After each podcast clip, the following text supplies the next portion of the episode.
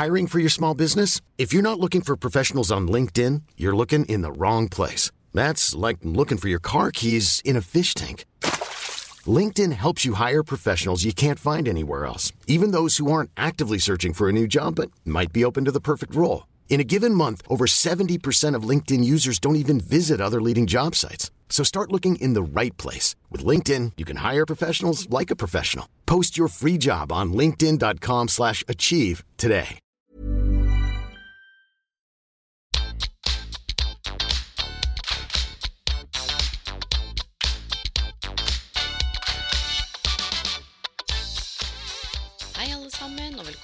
Til podkasten Karriereveiledning med Elaine.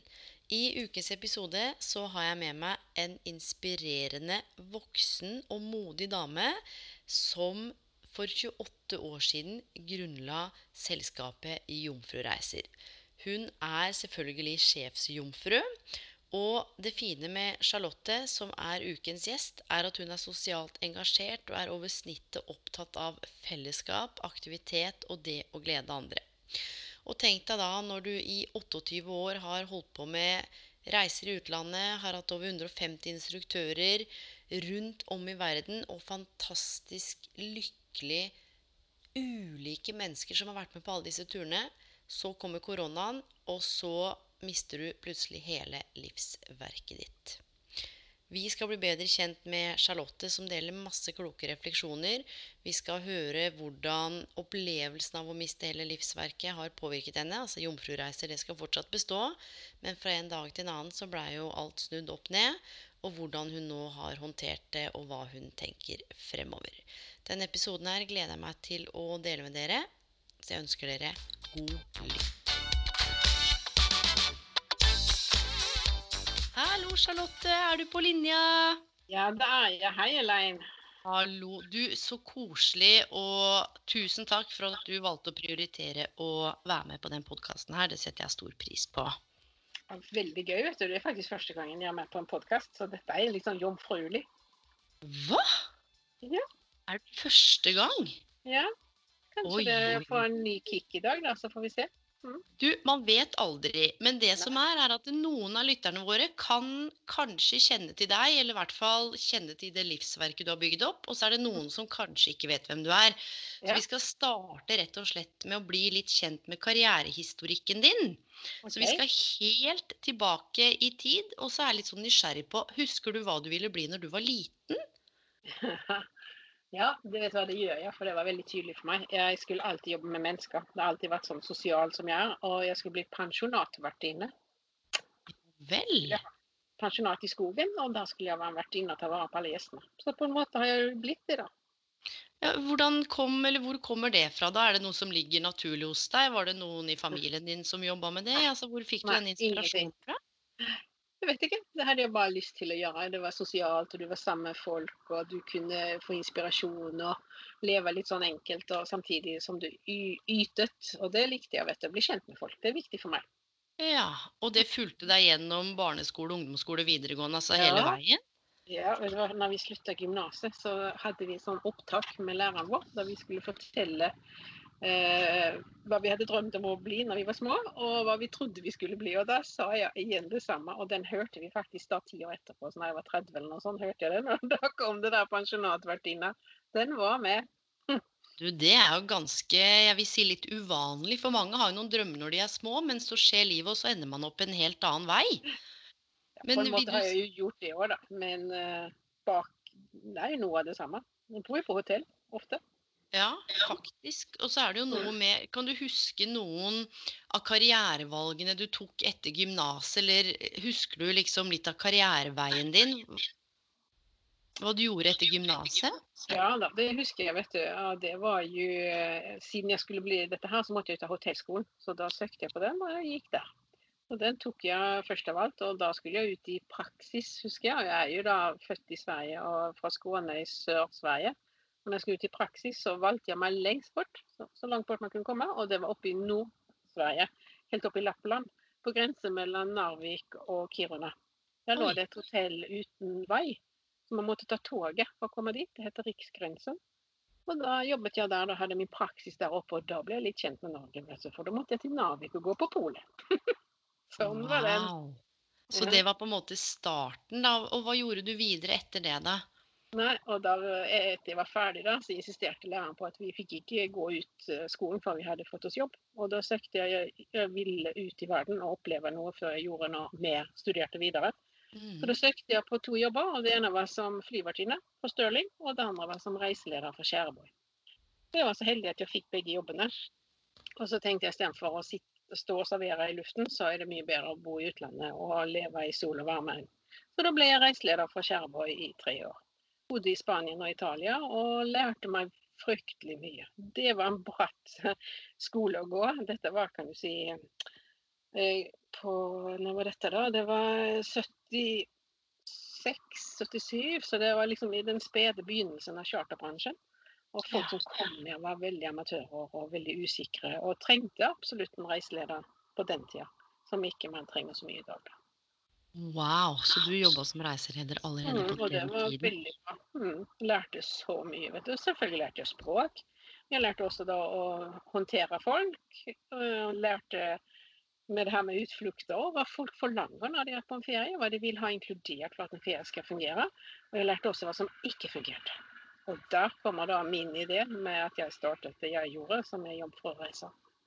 Ja, kan ikke du fortelle litt om den reisen? Fordi dette er noe du starta på egen hånd. Hvordan, hvordan fikk du den ideen da til å starte Jomfrureiser?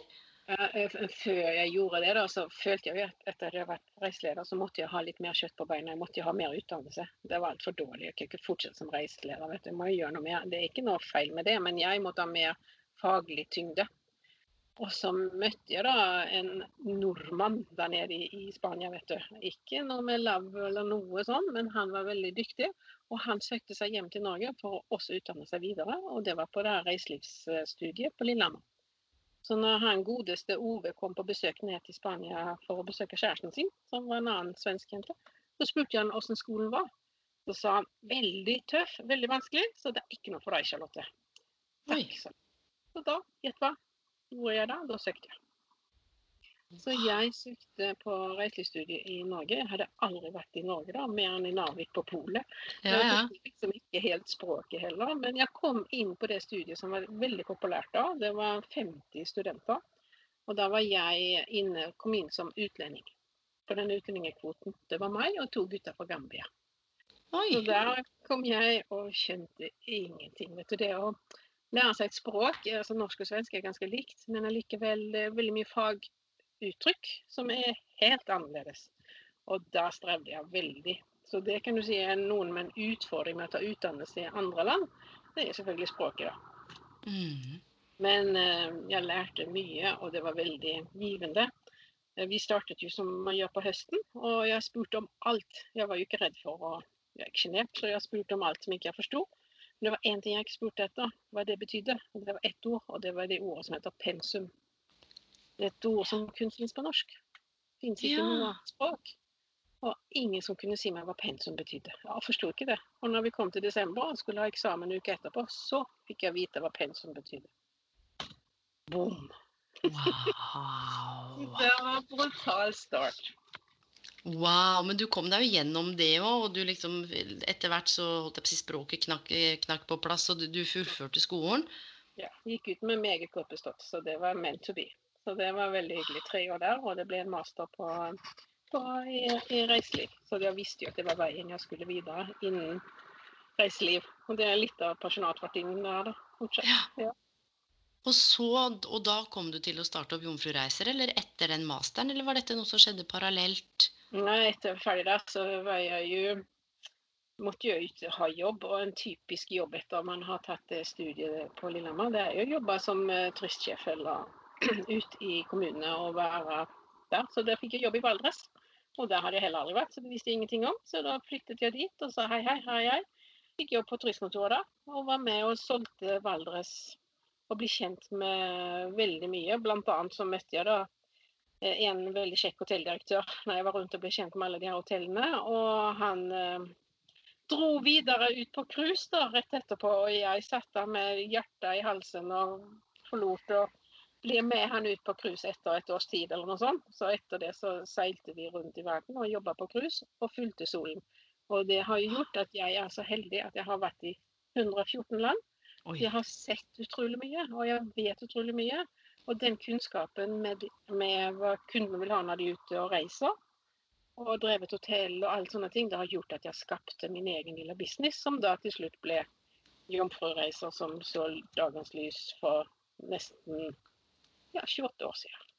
Og, og hvordan var den med første altså hvordan marked, Det var jo ikke digitale medier, altså sosiale medier og det digitale. Hvordan markedsførte du at du skulle ha en chartertur i hermetegn oppe i Nei. Valdres? Kan du si det her, altså, at jeg startet dette her, Før det så drev jeg høyfjellshotell for Trygve Hegnar. Var ansatt som vertskap for ham. Ja. Og det var en fantastisk god skole, det òg. Jeg er så glad at man kan få lære av dyktige folk. Så har Mm. man en mulighet til det som uh, man skal ut i karriere, eller man vet hva man skal gjøre. Så at man har sånne som er tydelige med sine meninger og vil nå, Mm. det er kjempebra. Så for tre år, tre år var jeg ansatt av han, da, og det var veldig bra. Men så fortsatte min mann ut på cruise. da. Han jobbet som hotelldirektør på et cruiseskip og var borte i åtte-ni måneder om gangen. Og jeg satt alene oppe i fjellet på Beitstølen med to små barn.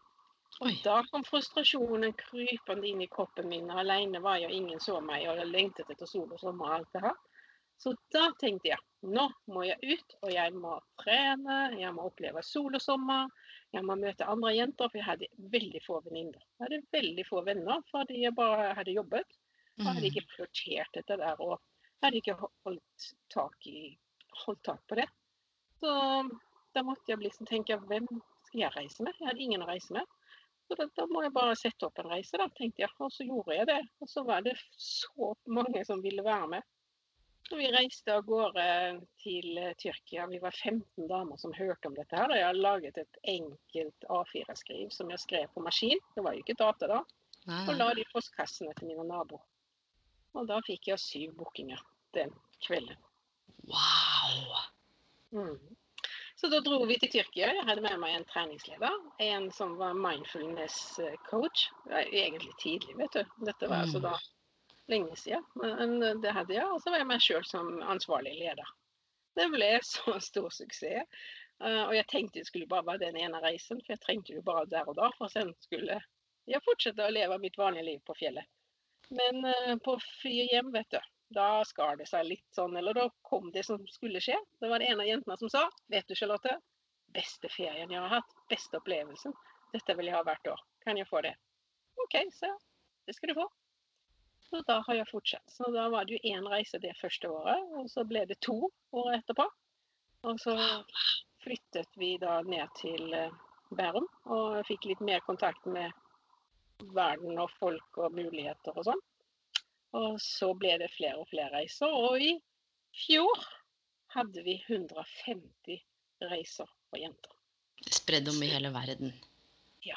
Vi reiser stort sett hele verden. eh, Selvfølgelig hvor det er trygt og godt å reise til, og Mm. med forskjellige typer aktiviteter.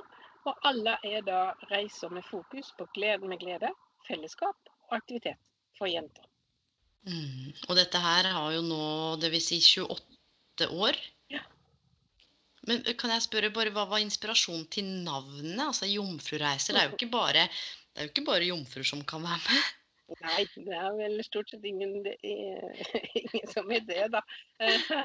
Det var den kvelden jeg satt hjemme og skrev på det var eh, skrivemaskinen min på fjellet. Når jeg skrev det her brevet og inviterte til den første reisen, så avsluttet jeg det hele. Det bare kom, vet du. Det er sånn når du sitter og skriver, så bare Ja, kommer det. ikke sant? Da bare avsluttet jeg med 'bli med på denne jomfruturen'. Det ble det, vet du. For det var første turen min. Yes. Og så var det bare for jenter. Så da kom det her med jomfruturen.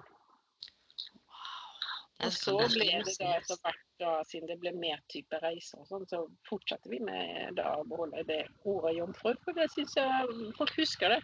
Hadde det Mm. hett Charlottes reiser eller altså, jenteturer eller hva er det, så hadde du glemt det. Sånn? sant? Jomfrureiser husker du kanskje? Men, men, er, men er det noen som har inspirert deg altså innenfor reiselivsbransje eller innenfor næringen? Altså, er det noen rollemodeller du har hatt på veien som du på en måte, om ikke har sett til, men som har inspirert deg noe i det du har holdt på å bygge opp de siste 28 årene? Ja, det, kan du si Jeg visste jo ikke hva jeg gjorde. Jeg hadde jo ikke drevet turoperasjon. Visste jo egentlig ikke noe om hvordan dette skulle være. Så jeg var veldig søkende. Og en som eh, jeg jobbet sammen med Startur. Da var det en dame som het Unni, og hun var veldig hjelpsom. og Hun så meg, og hun var en voksen dame som prøvde å veilede meg litt. Så hun var en stor rollemodell der og da. Men ellers må jeg jo si at um, det å jobbe, det lærte jeg av min mor. Altså, hun var jo veldig arbeidsivrig og ga seg aldri. Så det har jeg liksom fått inn i morsmelka. Mm. Og så har jeg jo blitt veldig inspirert av meg selv, da. Jeg må jo få lov å si det. At jeg har lykkes. At jeg har turt, ikke minst, å ta det store ansvaret det er. Mm. Men jeg blir også veldig inspirert av Trygve Hegna, eksempel, som var så tydelig, så klinkende klar på ja og nei. Ikke sant? Da var det ikke noe, da var det ikke noen diskusjoner. Bang! Sånn Ja, er det. Men, men det som er interessant, altså når du snakker nå, så tenker jeg en ting er på en måte utdanningen din og, og skolen din, som har på en måte vært en viktig byggestein. Men like mye som du har sagt flere ganger, så er jo disse erfaringene du har hatt gjennom å jobbe. Mhm. sant, Hvor du har reist, hvor du har møtt mennesker. For det er jo sånn, Dette er en podkast om, om karriereveiledning, og det er mange som er usikre på hva skal de velge av utdanning. Eh, kan man lære noe av å jobbe? Og du sa noe, altså du visste ikke hva du dreiv med. Du var litt sånn usikker helt på, på hva som var hva, men du gjorde det allikevel. Ja. Hva er det som jeg- Ja. Ja. Får jeg si et råd om det, så vil jeg bare anbefale folk å gjøre det. Ikke vær så beskjeden, og ikke vær så redd. Prøv det ut. Og det Mm. kan ikke bli annet enn at du må gå om igjen eller prøve noe nytt eller gjøre noe annet. ikke sant? Det er ikke noe farlig med det. Det, sa, det samme til sønnen min når han skulle velge seg utdannelse for ti år siden. Når han var 18-20 år. Og da prøvde han tre forskjellige før han fant ut hva han skulle gjøre. Så han gikk inn på Og det syns jeg er helt riktig. For du lærer noe uansett hva du gjør. Og så Mm. er det mye bedre å gjøre det enn å ikke gjøre det. Slutt å vente, sier jeg. Bare hopp i det. Men hva er, det som, er det som gjør, tenker du, at både unge og voksne, for det er jo lyttere fra alle aldersgrupper her, fra 18 til liksom par og 60, hva er det som gjør at man kanskje ikke tør? Hva, det hva tror du det handler om? Jeg tror at man er altfor redd for hva andre skal si. Jeg tror Ja. at eh, man er litt, litt sånn flaut å gå med halen mellom beina eller noe sånt. Men da har jeg mitt ene motto, og det tenker jeg på så ofte når jeg Jeg blir redd. Jeg er Ikke sant? Jeg er ikke født med sånne guts alltid, men jeg bare tenker OK, jeg må gjøre det. Og jeg sier det er bedre å drite seg ut enn å dø av forstoppelse. Mm. Jeg vil ikke dø av forstoppelse, så derfor må jeg prøve. Og jeg har gjort, gått fem på mange ganger. Men da må jeg bare svelge, og så jeg ja, hva lærte jeg av det? Ja, det gjorde jeg. Og da vet jeg at jeg skal ikke gjøre det sånn neste gang. Ja, og det er nettopp det. Det er de refleksjonene man Mm. Gjør seg når det ikke går bra, men også når det går bra. Altså det å sette av tid til å reflektere. Og samtidig så tenker jeg at som du sa, det er mange som er opptatt av hva alle andre Mm. syns. Hva skal til for å på en måte orientere seg innover og stole på seg sjøl, da? Åh, at du kan. Du vet hva, du er best i ditt liv. Du er bare én av deg, og du kan så mye mer enn hva du tror. Og ikke Mm. Så tror man at alle andre sier så masse fornuftige ting og har så mye gode innspill og hva skulle jeg si nå og sånn. Men du har det. Altså, du er en fantastisk person, og du kan så mye i deg sjøl. Så bare Mm. ha den truen på det og leve ute. Og OK, så ble det i dag, og da blir det kanskje noe annet i morgen. Ja, så det er noe å finne fram det motet, det ser jeg ofte i karriereveiledning. Og det er mange som har lyst og lyst til å prøve. Ja. Og så tenker jeg at enten så må man gjøre det eller ikke gjøre det. fordi sannheten er at vi veit jo aldri hvordan det går hvis ikke vi prøver. Da sitter vi Nei. jo bare og tenker at det kunne ha blitt sånn, og kanskje det går dårlig. Men det kan jo være at det går bra også. Ja. Oftest gjør det det, vet du. Ja, Og det er mer vanlig at det går bra enn at det ikke går bra. Så husk på det, og vær deg selv, sier jeg. Og vær ekte og ærlig. Mm. Da er det mye enklere å få de drømmejobbene og finne den veien man vil gå videre. ja også jobbe med noe du liker, for du har jo valgt en retning som du liker, som er en Mm. blanding av lidenskap og interesse. Og du har virkelig funnet litt sånn gull i deg selv, da. Ja, takk for du sier det. Og det tenkte jeg veldig på når du spurte meg om det her. så tenkte jeg, For jeg har jo ikke valgt en jobb som er veldig inntektsbringende. Jeg har valgt av eh, interesse og lidenskap, ja. Og det er Mm. for meg viktigere enn at jeg skal sitte og tjene millioner, liksom. Det har aldri vært mitt mål med min business. Nei. Mitt mål med min business er å, å gi andre en bedre hverdag. Og det vet jeg at jeg har gjort. Mange kunder som har reist med oss, som sier at Uten dere så hadde, aldri, møtt- hadde jeg aldri møtt noen nye venner. Hvordan skal jeg finne venner i nye voksen alder? ikke sant? Og vi kan få være en del av det og bringe Mm. det sammen. Det er bare helt fantastisk. Og det betyr mye mer for meg enn millioner på bok. Ja, fordi man kan jo, sånn som på jomfrureiser.no, så er det jo Nå er det jo, vi skal snakke litt om det koronatiden nå, men før koronaen kom, så man kan jo melde seg på hvem reise man vil, og så kan du jo reise alene. Du kan Ja. jo melde deg på alene eller sammen med noen, men du kan jo melde deg på og ikke kjenner noen, og så får man et fellesskap på den turen. Vet du, åtte av ti som reiser på de 150 reisene vi har i året, de reiser alene. Jeg liker ikke helt ordet alene, men de reiser da singel eller uten noen til Mm. flyplassen. Og der møter de andre, da. Og da blir man da raskt en sammensveiset gjeng uansett hvilken interesse man har, eller jobb man har, eller hvor man bor, eller hva man gjør. ikke sant? Så- Så er det alltid noen du møter som du har glede av å være sammen med. Og skal man bli Mm. kjent med noen, vet du hva man skal gjøre? Reise. Ja, og, og både å bli kjent med noen, men også, for det er noe jeg hadde lyst til å spørre deg med, med at du har vært i 114 land, og igjen, en ting er skolen og den erfaringen man får her, men hva tenker du på de som kanskje lytter, som vurderer å ta en utdanning i utlandet, eller som vurderer å reise? Altså, hva har det å reise, da, oppleve ulike kulturer og mennesker, hva har det gjort for deg, liksom, som menneske? Det har gjort at jeg tør å gjøre det jeg gjør. Jeg var faktisk 17 år. Da ble jeg sendt til Amerika som sånn utbyttestudent. Og jeg gråt og jeg grein og jeg hylte og jeg skrek. Jeg turte ikke. Jeg var så redd. Men eh, jeg skulle da et år til Amerika. Jeg hadde jo veldig lyst, selvfølgelig. Jeg hadde jo sagt ja til det. Men da dagen kom og jeg satt på det flyet helt alene, skulle Mm. helt bort til Seattle, jeg var så redd. Men så var jeg der ett år, og det er kanskje et av de beste årene jeg har hatt vil ikke hjem igjen, men jeg dro hjem og fortsatte gymnaset og alt dette her. da.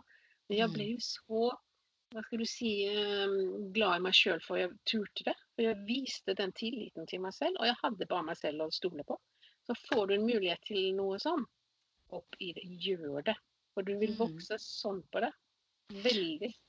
Ja, for, for, det, for det er jo masse muligheter å studere utenlands. Jeg får jo masse Mm. henvendelser om det, og så tenker jeg til syvende og sist så er det jo det mennesket sitt valg. Det er det mennesket Mm. som skal ta det valget. Mm. Eh, og så har man jo ulike opplevelser, men det er noe med altså reist veldig, veldig mye, og det har gjort meg til både det mennesket og den karriereveilederen jeg er i dag. Du, du får en helt annen innsikt i folks levekår, historie, måter å tenke på som gir masse nye perspektiver, så du kan se litt lenger enn din egen nese. Absolutt. Absolutt. For det er ikke bare sånn som du tror i den lille byen du bor eller store Nei. byen hvor du er. Det er så annerledes. Det har vi så godt av. Ja, ikke? Ikke bare definitivt. språkmessig, men rent menneskemessig. Ja. Hvordan man behandler de eldre f.eks. i, i Sør-Europa. Det er jo på en Ja. helt annen måte enn her hjemme. Hvordan Ja, ja. eldre er en del av familien. Det er jo så flott å se. Og hvor Mhm. de yngre der nede, hvordan de får bidra med andre. Nei, det er fantastisk god skole. Ja, jeg er helt enig. og det er, det, er, det er bare så mye å lære oss med inspirasjon. Og så er det noe med å ta med seg hjem. Og det er klart, du har jo vært i 114 land. Nå har det gått 28 år, og så skal vi liksom kort innom, så kom jo koronaen. Ja. Sant? 12. mars så, gjorde så stengte det ned, og det fikk jo store konsekvenser for mange, og spesielt for reiselivsnæringen. Ja, Det gjorde det. Det var en brutal eh, dag som ikke jeg forsto i det hele tatt. Vet du. Dagen før holdt jeg på å ansette en ny jente. Veldig dyktig mediemedarbeider som skulle løfte oss det hakket opp som vi virkelig hadde ønsket og drømme om. Vi skulle lage egen, egne magasin på nettet. Vi skulle gjøre veldig mye differens, differensiert markedsføring og sånn. Mm. Hadde kontrakten klar, skulle bare signere. Så kom dette her. Og jeg gjorde jo ikke det, selvfølgelig. Og håper jeg jeg får ny mulighet, men akkurat nå er det jo ikke sånn. Vi er jo permittert alle sammen. Vi som Mm. driver turoperasjon, vi har jo ingen Vi kan ikke selge noen ting siden alle grenser er stengt. Vi prøver nå å gjøre noen få reiser i Norge, men vi har i hovedsak reiser til utlandet, da som vi har Mm. hatt de siste årene. da. Så korona var jo en eh, brutal eh, Man kan vel aldri forberede seg på noe sånt som bedriftseier, bedriftsleder. For det er så brutalt så u, uvirkelig i og med at vår business blir helt stoppet. Og jeg har, plutselig var det da mine ansatte. Jeg er så heldig at jeg har syv ansatte på kontoret. Fra den lille spede ideen min så har jeg da kan jeg da gi syv personer jobb. Mm. Det er helt fantastisk. Jeg er bare så stolt for det. Og i tillegg til det, så har jeg jo alle de her lederne som jobber for oss. Som reiser på, på reisene. Som er yogaleder, eller som er treningsleder, eller mindfulness coach, eller vandringsleder, eller hva de er. Og alle de, de skal jo også ha lønn. Og nå er det 40 stykker av de som ikke har inntekter. Som står uten jobb fordi våre reiser er stoppet. Jeg fikk jo skikkelig vondt i magen av den hva kan du si, det jeg har bygget opp, som jeg da plutselig bare så rase foran føttene på meg. Jeg kunne ikke gjøre noen ting. Nei. Har du kjent på en, en, type sånn sorgprosess? Eller du har vel kjent på alle mulige typer følelser, tenker jeg? Mm, ja, det har jeg. Jeg har virkelig hatt en uh, sorgprosess her. Mm. Jeg har et uh, herlig kontor med 18 trappetrinn opp fra gågata i Sandvika. Og de trappetrinnene har jeg løpt opp hver dag da, de siste 20 årene. Og nå er det tunge skritt for å komme opp der, og jeg har sagt opp kontorlokalet. Blant annet, ikke sant? Så det er jo sånne ting som skjer i det her, og så må vi tenke om igjen. Ja. Nå føler jeg at jeg er på vei å utdanne meg på nytt igjen, for dette er noe helt ja. nytt for meg. Jeg er god på å bygge opp, men ikke på å bygge ned, og dette må jeg da øve på og trene på og lære meg mye mer om.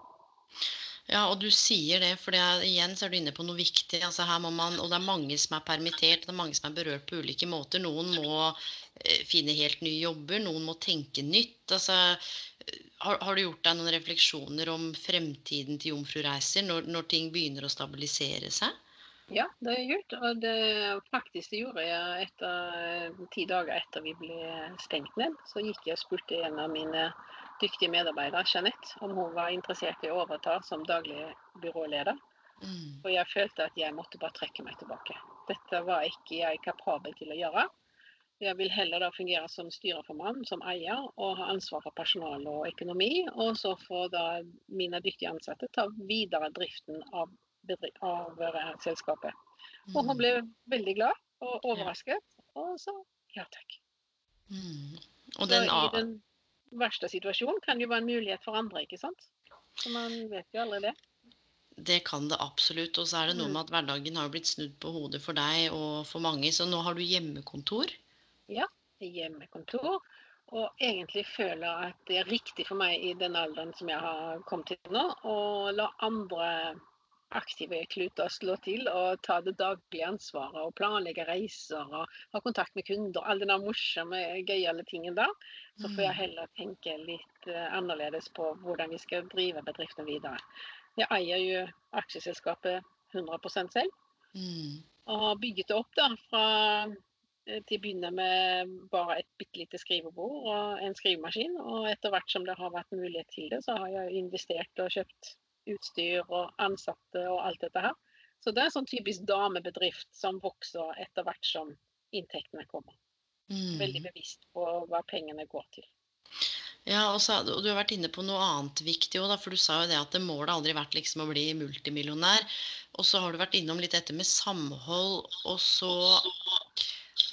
Når vi snakket litt før podkasten, så sa du et stikkord som var på en måte nøkkelen for deg, og det var fellesskap.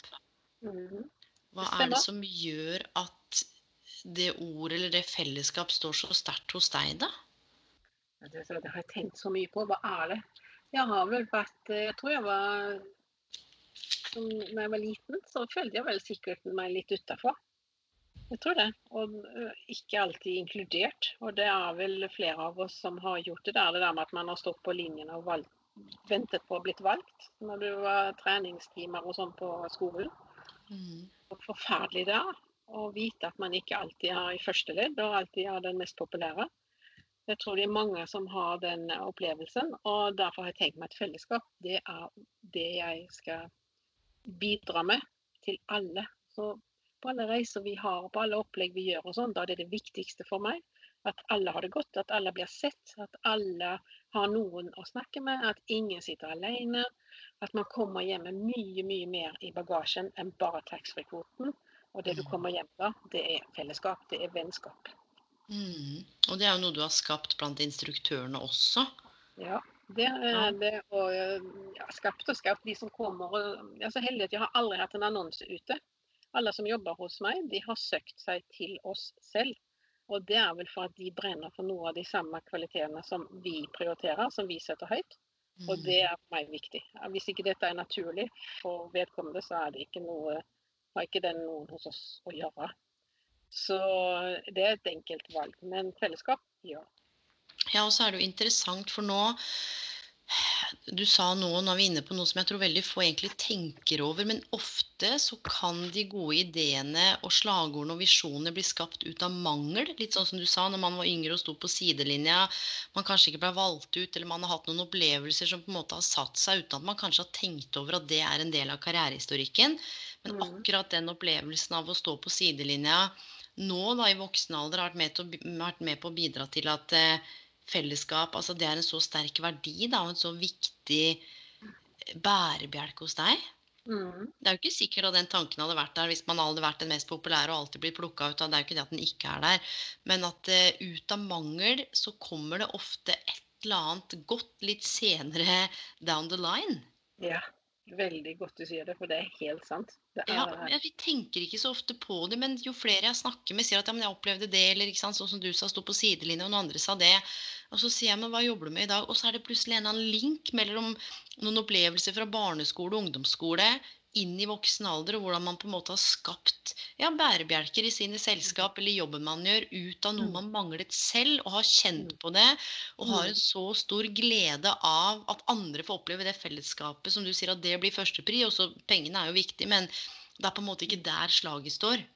Nei, helt Og jeg tror det. og det syns. Jeg tror vet du. Folk merker hvis du er desperat og ivrig og higer etter penger. Mm. Og så tror jeg folk merker hvis det der genuine, autentiske følelsen av fellesskap også er der. Mm. Det, Men så er det jo litt med verden vi lever i, Elaine. Det er jo sånn at uh, etter du er tolv år, så er det ingen som banker på døra lenger og spør om du vil komme ut og leke. Så vi må bidra sjøl òg for at det skal Mm. bli noe ut av dette her. Uh, vi Mm. kan ikke bare sitte på gjerdet og vente, men det er jo en, en ganske kald aleneverden vi har skapt oss med data og alt det her. Du ser alle sitter på telefonene sine istedenfor å sitte og skravle sammen når de er ute og spiser og sånn. Og det, det er triste ting. Mm. Derfor syns jeg det er viktig at man tar tak i dette her gode, gode kommunikasjonen. At vi får den. Hva kan man gjøre da, hvis det er noen som lytter nå? For jeg vet det er veldig mange som lytter så, som er i jobb eller som er permittert, men skal tilbake. Og en utfordring av og til er jo type fellesskap og arbeidsmiljø. Hva er det Mm. du tenker hver og enkelt kan bidra med inn i fellesskapet? For ofte er det noen som sier ja, men jeg ønsker meg godt arbeidsmiljø. Så er jo spørsmålet hva, hva kan du bidra med, eller hva er ditt ansvar eller din rolle inn? da? Hva, hva tenker du er sånn topp tre ting som folk virkelig kan ta med seg inn i et fellesskap for å bidra til å skape det fellesskapet? Det første tror jeg det er at man ser hverandre. Man løfter øynene og ser opp. Ser god morgen, god dag, hvordan har du det i dag? Ikke sant? Og ikke bare sånn haster videre inn på sitt eller hva man gjør. Man eh, enser eh, Og veldig ofte så kjenner man signalene i rommet hvis det er noe som ikke er helt eh, Helt eh, At man bryr seg. Og ikke bare la det Men det er ikke min, eh, ikke sant? Det er ikke min oppgave. Men det er det, da. Det er jo vårt felles oppgave at det skal være hyggelig på arbeidsplassen. Og at Mm. Og din karriere videre enda større og større suksess, det er jo at man bryr seg om hverandre. Det er så enkelt som det. At man, Mm. man tør å ta det der steget og spørre kan jeg hjelpe deg, eller er det noe sånt. Og hvis vedkommende ikke vil det eller ikke vil si noe, så sier den jo ifra. Det er ikke alle som er så modige at de tør å ta imot hjelp. Og det er det vanskeligste å gjøre. Det er mye enklere å si nei, alt er bra. Og hvis du har den, hører den, så er det nok ikke kanskje alltid det. For det med å Det er lett å gi en kompliment, men det er litt verre å ta imot den. Enig i det? Veldig enig, og det ga meg en tanke. Jeg var faktisk på et jobb, eller på et businessmøte i stad. Da kom vi inn på akkurat dette med komplimenter. Og så slo det meg at det, hvis man gir et kompliment, da, men mottakeren ikke klarer å ta imot, så er det jo litt sånn som man, man aldri ga. Altså du gir en gave som på en måte som ikke blir tatt imot. Og så er jeg litt nysgjerrig på hva, hva tenker du at det handler om, da? Hvorfor er det så vanskelig? Usikkerhet, for du vet ikke hvordan du skal håndtere det. Hvordan du skal ta imot den der og si ja takk. Når noen sier 'Å, så fin bluse du har', så sier jeg den gamle der, kjøpt på hennes for 20 år siden. Men hvorfor skal du ødelegge min varme tanke til deg? Da må du bare si 'men tusen takk, så hyggelig'. Ja, Mm. da har du gitt meg en gave òg, når du sier takk for det. og du enser at vi har kontakt. Ja, for det der er jo Du sa jo kommunikasjon, og du har jo jobbet altså, som du sa, byråleder i 28 år, så har du flere ansatte. Hva vil du si har vært Og dette vet du ikke at jeg skal spørre om, men jeg spør, jeg.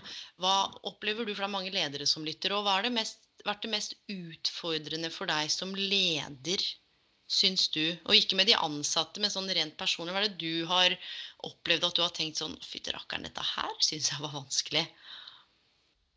Eh, Det er vel eh, at jeg har gjort det. Altså det store ansvaret jeg har tatt. Altså det er et stort ansvar. Jeg skal sende 20 damer til Peru, til eksempel.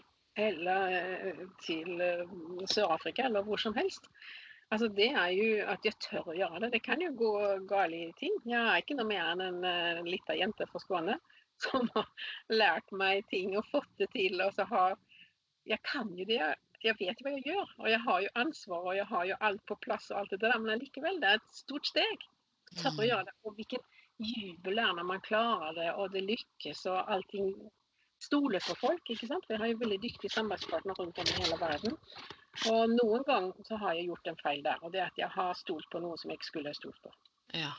Og det har vel vært det vanskeligste. At man ikke alltid eh, At man må feile for å lykkes. Og Mm. det er litt leit. Jeg har blitt lurt eh, noen få ganger. Ja. Av Men ja, agenter liksom og sånn, som har Mm. eh, ikke vært så kvalitetsbevisste som de har sett seg ut for å være. Og da går de utover meg. Mm. Jeg er ikke. Men som en sånn generell hovedregel så har du vært det at du på en måte har, har vist tillit, eller at du har gitt Mm. tillit. At du har val valgt, for det er jo et valg å stole på noen. Ja. Sant? At du har valgt å stole på noen, i hvert fall 99,9 av gangene. da. Mm. Og det tenker jeg er en viktig egenskap. Det handler jo om alt fra å delegere til rett og slett stole på at folk er modne nok eller tar ansvar nok i oppgavene sine. Det gjør jeg fortsatt. Jeg gir tillit, og jeg stoler på til det motsatte er bevist. For jeg kan ikke la meg bli skremt av at én eller to har lurt meg. Da må jeg Det må Mm. være sånn. Det var den veien, det var feil. Men ellers så er det og hva har, vært, hva har vært det aller beste da med å være leder, liksom? Du, for du har jo lært noen ting gjennom Hæ? friheten. Ja! Friheten. At jeg kan gjøre akkurat som jeg vil. Om jeg vil snu på bedriften i morgen, så kan jeg gjøre det.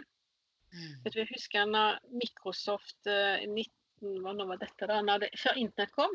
Ja. Uh, det var oi, oi, oi, 82, 82 noe sånt. Da, da hørte vi at internett skulle komme, vet du. Og da jeg tror det var et par hundre stykker som jobba for Microsoft. eller noe sånt da, Og da sa de bang, i morgen snur vi fra alt det gamle vi har gjort, og nå skal vi bare jobbe mot nettet. Og det gjorde de, og de var, derfor var de først ute. De Mm. kunne snu det på én dag. Og hvem kan snu en bedrift på én dag? Altså, vi kan gjøre det. for det er, Vi har full frihet. Hvis vi fra i morgen av skal gjøre noe helt annet, selge en annen type reise, så kan vi gjøre det. Friheten er absolutt det viktigste. Og det har antageligvis vært en av driverne dine også, da. Ja. Men, men om du ikke hadde vært i den bransjen du er i nå, hva annet er det du tror du hadde gjort? Eller har du tenkt den tanken noen gang? Er det noe annet du kunne tenke deg å gjort som ikke har noen relevans til det du holder på med nå? Jeg kan godt tenke meg å skrive. Ja. Det kan jeg tenke meg. Så jeg får se om jeg skal begynne med det nå. Når jeg får kanskje litt mer tid. Kanskje jeg skal gjøre det. Jeg har jo alltid vært veldig opptatt av media. Kan du si Uten media så hadde ikke Jomfrureisa hatt den posisjonen som vi har i dag. For vi har en story å fortelle. Eh, Vi er noe annet enn en vanlig reisebyrå eller turoperatør, for vi er noe mye mer. Mm. I, I og med at vi inkluderer og gjør så mye annet ut av våre reiser enn hva andre gjør. Som da Mm. selv om vi er chartertype og sånt, så gjør vi noe annet. Og derfor har media vært en veldig viktig samarbeidspartner for oss. Og jeg har jo merket at uh, med de gode historiene vi har, så får vi god profil i, ute i eh, aviser og ikke minst TV, radio og forskjellige steder. Facebook selvfølgelig og alt mulig rart. Så det er eh, veldig interessant. Så ofte inviterer jeg jo journalister med på tur for at de skal bli bedre kjent med oss, og de skal kunne formidle budskapet som vi har om glede og fellesskap og aktivitet. Mm. Men ser du for deg da når du sier skrive, så kunne du liksom skrevet for noe online? Tenk, kunne du skrevet en bok? Altså Det vil jeg veldig gjerne gjøre. Jeg har mm, begynt å samle inn til det. Eh, Litt sånn den, hvordan, hvilken vei den skal gå, det vet jeg ikke helt ennå, men det vil jeg veldig gjerne gjøre. Skrive ikke bare om meg, men om eh, damene, om kundene. Vet du. Jeg har mappevis med brev fra kunder som forteller om opplevelsene de har hatt hos oss. Og sånn, og det kunne vært veldig spennende å delt ut på en, en eller annen måte. Vi får se. Mm. Mm. Ja, og så er det jo noe med, som du sa, før internett kom, nå får man jo mail, så sendte jo folk faktisk brev til deg og skrev om opplevelsen. Hva er det på en måte som går igjen i de brevene, da? Uh, at uh, overveldelsen over at de klarer så mye, mer enn hva man tror. Folk er så begrenset i sine tanker om seg sjøl. Og det kan være så enkelt som at du kanskje klarer 40 pushup og ikke bare fire. Altså så enkelt som Mm. det. Eller at du da plutselig sitter der med 20 ukjente jenter rundt bordet og finner et fantastisk fellesskap i det. Som man Mm. aldri hadde trodd at man skulle tørre. Eller at man skulle tørre å reise til utlandet alene uten noen som du kjenner med deg, og bare med oss, kan du si. Så Mm. det er mestringen, tror jeg, som vi klarer å gi videre til våre kunder. Mestring er et nøkkelord, og det bringer meg litt over til litt av den situasjonen vi står i nå. For nå, som du sa, har du jo gitt fra deg roret i, i hermetegn. Mm. Og så, som du sa, om du må om ikke utdanne deg på nytt, så føler du på en måte at eh, Dette er et sånn rart spørsmål, men at du på en eller annen måte har mestra situasjonen som du og dere har stått i nå? Mm. Har du en opplevelse når du ser tilbake, nå har det bare gått noen måneder, men har du en opplevelse som leder og som bare menneske at det på en eller annen måte, ja, selv om det gikk ganske godt i kjelleren, som er veldig naturlig, at du har klart å mestre og håndtere det her på et vis? Eh, Ja, jeg har jo gjort det, for jeg har lagt det litt bak meg. Og ligger, det ligger litt sånn i bero. Fordi vi venter på svar fra regjeringen, som da kom litt i går, om at vi får noe støtte. Mm. Som har vært helt eh, uvirkelig å være i den venteposisjonen. Men jeg har lært meg med litt tålmodighet her nå, som jeg egentlig ikke har, at dette her må jeg bare avvente og se om vi skal få noe hjelp eller ikke. Hvordan vi kan løse det og komme ut av den forpliktelsen som vi har. Som vi selvfølgelig skal ta vare på våre kunder og gi dem de pengene de skal ha. Samtidig som hoteller og sånn ikke har refundert penger til oss. Så vi sitter jo litt i skvisen der i midten. Men jeg har eh, klart å fokusere på litt andre ting, da.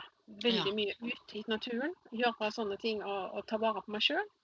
Som jeg ikke har hatt tid til før. For jeg har liksom Tidligere vet du, var jeg på jobb halv åtte om morgenen og kom hjem kanskje fem-halv seks. Og Mm. nå har har jeg jo alle de timene, for jeg er jo permittert jeg òg, så jeg jobber 20% Men da har jeg alle de timene, og da er jeg ute. Ja, for det var det jeg skulle spørre deg om, for det er mange som er permittert nå, og som henvender seg til meg og ikke aner hva de skal gjøre. Og det var det jeg lurte på. Har du noen gode tips eller tanker til de som faktisk ikke helt veit hvor de skal gjøre av seg, som har jobba mellom åtte og tolv timer hver eneste dag i mange år, og plutselig så er det stopp, og så Ja. som de sier, det er totalt kaos, og det er litt tunge tanker, og det er mørke, og man har liksom ikke noe håp og fremtidstro, så man ender opp med å ligge på sofaen. Ja. Hva er det du vil liksom si til de som lytter, som kjenner at det, som trenger noe håp, da, hvis du forstår hva jeg mener? Ja, eh, jeg var faktisk der sjøl. Ja. Lå på sofaen og laka ball. Det var liksom det. Jeg orket ikke lese bok engang. Men nå har jeg da kommet meg over den kneiken eh, for en god stund siden. Og altså, jeg kommer ut hver dag. Uansett om det er på beina eller på sykkel, eller hva det er, så må jeg ut i luften om det er regn eller sol. Det spiller ingen rolle. Men jeg må ut. Og det er mulighet i Norge med den naturen vi har, så det kan alle. Og så har jeg tenkt at jeg må lære meg noe nytt. Jeg må ha noen nye interesser. Da begynte jeg å melde meg inn i en eh, kajakklubb. Da begynte jeg å padle kajakk. Og det kan enkelt. Jeg trenger ingenting. De har kajakk, jeg trenger en vest, og det kjøpte jeg. Eller så kan jeg bare bli med der og padle. Jeg padler sjøl. Det er ikke noe som at jeg skal være med noen, men det er en ny interesse for meg som fungerte. Så finn noen nye ting som kan oppta deg, som du kan føle at 'Å, nå mestrer jeg det'. Mm. at du tenker at du kommer vekk fra bare det der vanlige som du alltid har gjort, som du aldri ellers ville ikke ha tid til dette her, eller mulighet til det. Og nå gjør jeg det. Så har noe, kanskje noe så enkelt som det der, det der hele Norge baker, ikke sant. Alle skulle prøve seg noe nytt. Og en ny ting jeg har gjort som jeg aldri har gjort før, og det er jeg litt skeptisk til, at jeg har fått meg et lite veksthus. Og da Fantastisk. tror jeg får kanskje gå fra reiseliv til planteliv. Ikke Ja, vet jeg. Men det er jo akkurat det, og uten å på en måte virke overfladisk eller flåste, så er det jo Jeg hadde en psykolog på podkasten, og hun sa det. Um, at koronaen, altså misforstå meg rett, for noen kan jo være en eller annen gave. Hvis man Mhm. ser bort ifra virkelig dødstallene og, og sykdommen og alt det. At for noen, ikke for alle, men for noen så har det gitt en mulighet til å stoppe opp, tenke, reflektere, finne noen nye interesser og kanskje bli kjent med seg selv på en litt annen måte. Og ikke minst Mm. kjenne seg selv knytta til hvordan man håndterer noe som det her. Mm. For det er jo som du sa, ingen var jo forberedt på det her. Vi visste jo ikke at dette her skulle skje. Ingen anelse. Nei. Dagen før så pusser jeg vinduene på kontoret vårt. Det hadde jeg vel aldri gjort om jeg hadde visst at vi skulle være uten business i dagen etter, liksom. Men, men du har troa på Altså, jomfrureiser skal bestå. Ja. Det. Det skal det. det ikke, du skal ikke legge ned. Jeg bare spør rett ut, jeg. Nei. Nei. Jeg skal. Og det spurte revisoren min nå. Han ringte meg og spurte Charlotte, skal du gå konkurs? Og så sa jeg nei. Nei. Det skal vi ikke. Vi skal bestå. For da er det noen reiser i Norge, men vi må jo snakke om noe som jeg har vært med på før, som jeg fant helt ufattelig givende, og det var jo Jomfruvikend. ja. Altså Bare navnet i seg selv syns jeg er eh, utrolig kult. Men når er, når er det dere starta Når var første Jomfruvikend? Du, det er da seks år siden i år. Så da er vi da på 2014.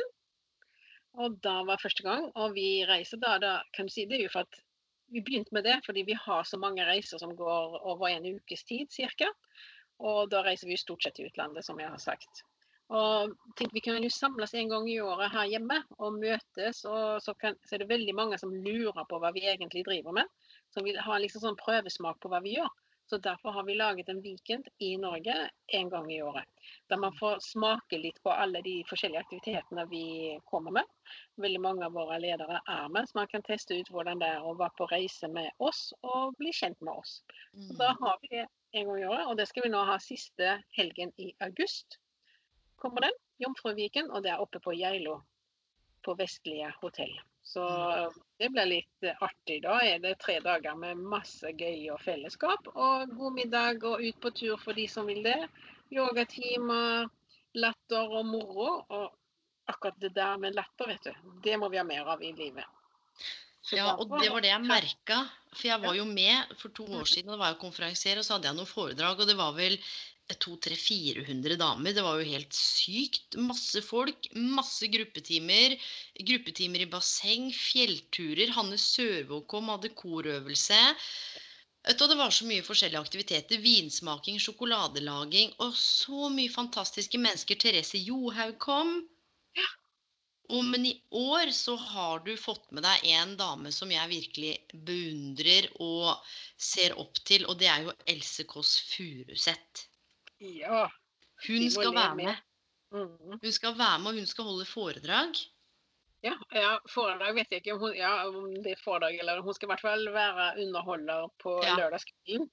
Jeg tror ikke vi skal kalle det foredrag, men hun skal motivere oss ja, mm, med det. Og hun er jo veldig opptatt av både eh, mer, mer psykisk helse kanskje enn fysisk. Så Mm. derfor vi tar det fysiske.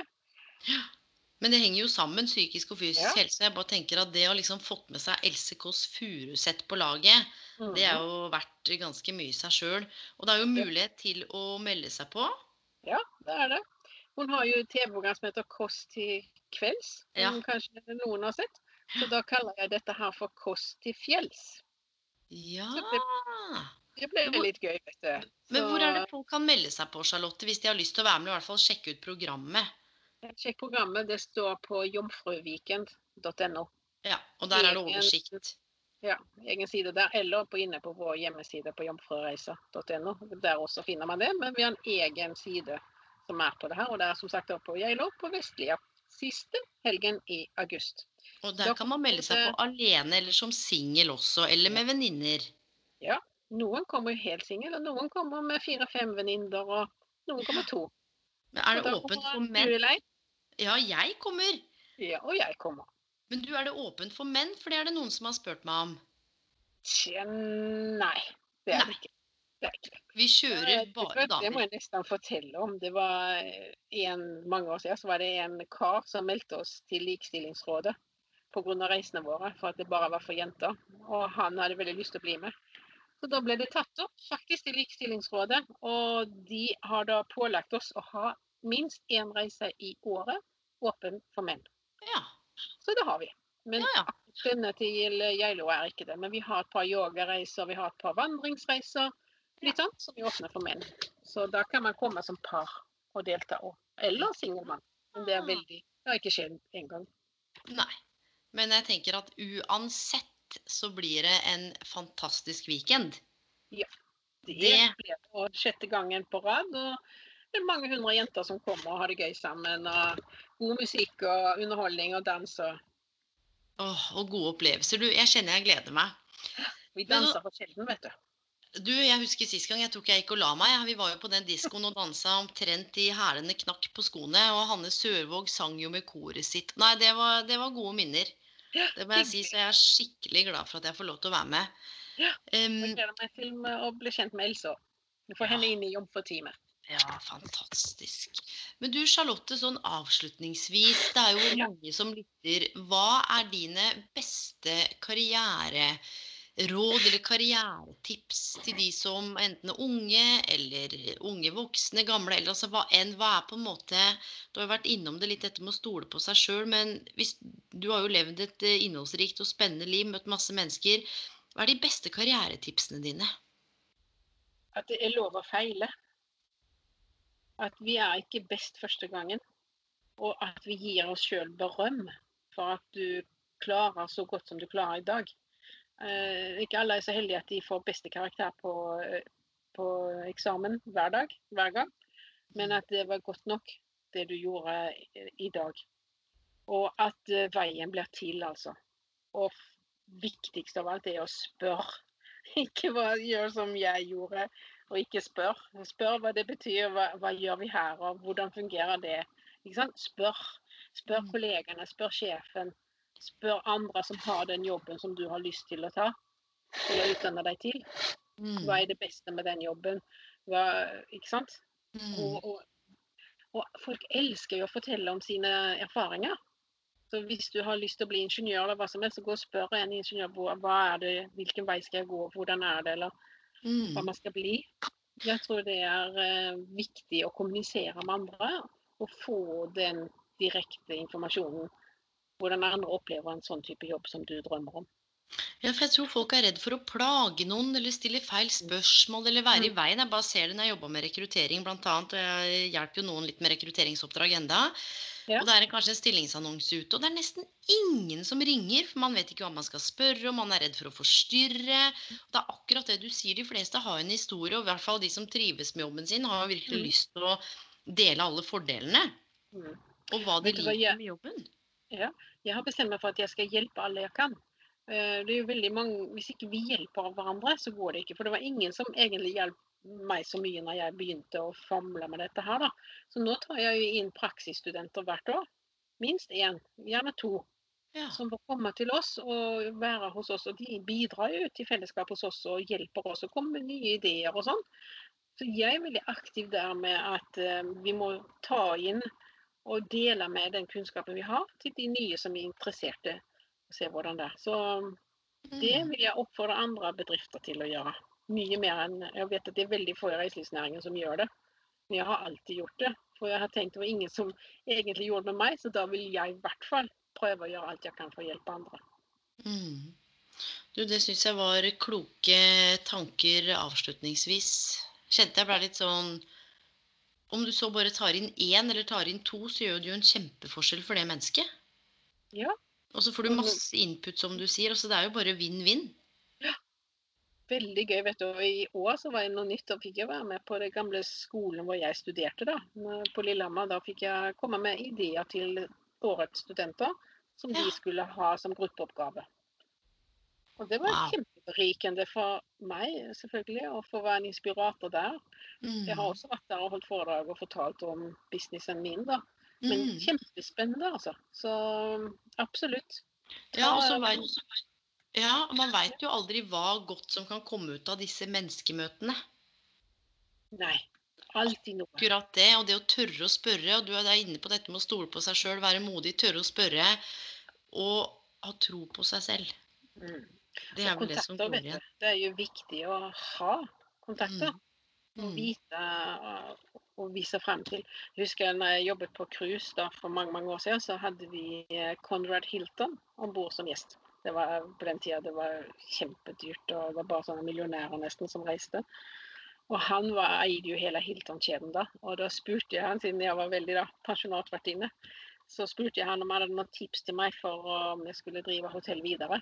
Hva jeg skulle tenke på, hva var hans beste råd? Siden du spurte meg om det, så skal jeg ta det avslutningsvis her. Og da sa Conrad Hilton think big. Og det har jeg Ja. Det har du gjort. Mm. Definitivt. Think big. Skal vi avslutte med det. Ja, det gjør vi. Du, Charlotte, tusen takk for at du valgte å være gjest. Jeg kjenner jeg sitter igjen med Jeg, sitter, jeg litt, føler meg litt sånn gira. Takk. Jeg skal tenke stort. Jeg skal tenke større enn det jeg har tenkt. Litt sånn som vi snakka om i forbindelse med noe annet. Jeg skal, nå, skal jeg, nå skal jeg sette meg ned etterpå skal jeg tenke enda større. Gjør det. Og tenke hvordan kan jeg hjelpe mer, hvordan kan jeg bidra mer, hvordan kan jeg også skape mer fellesskap. Og det gjør vi jo gjennom den podkasten her òg. det. Det er fellesskap, det er bare oss to her, men jeg håper at de som lytter, virkelig går litt i seg sjøl, stoler litt mer på seg sjøl, kanskje tør å tenke litt større. Det tror jeg. Takk for at jeg fikk komme. Tusen takk, Charlotte. Ha det godt, da. Ha det.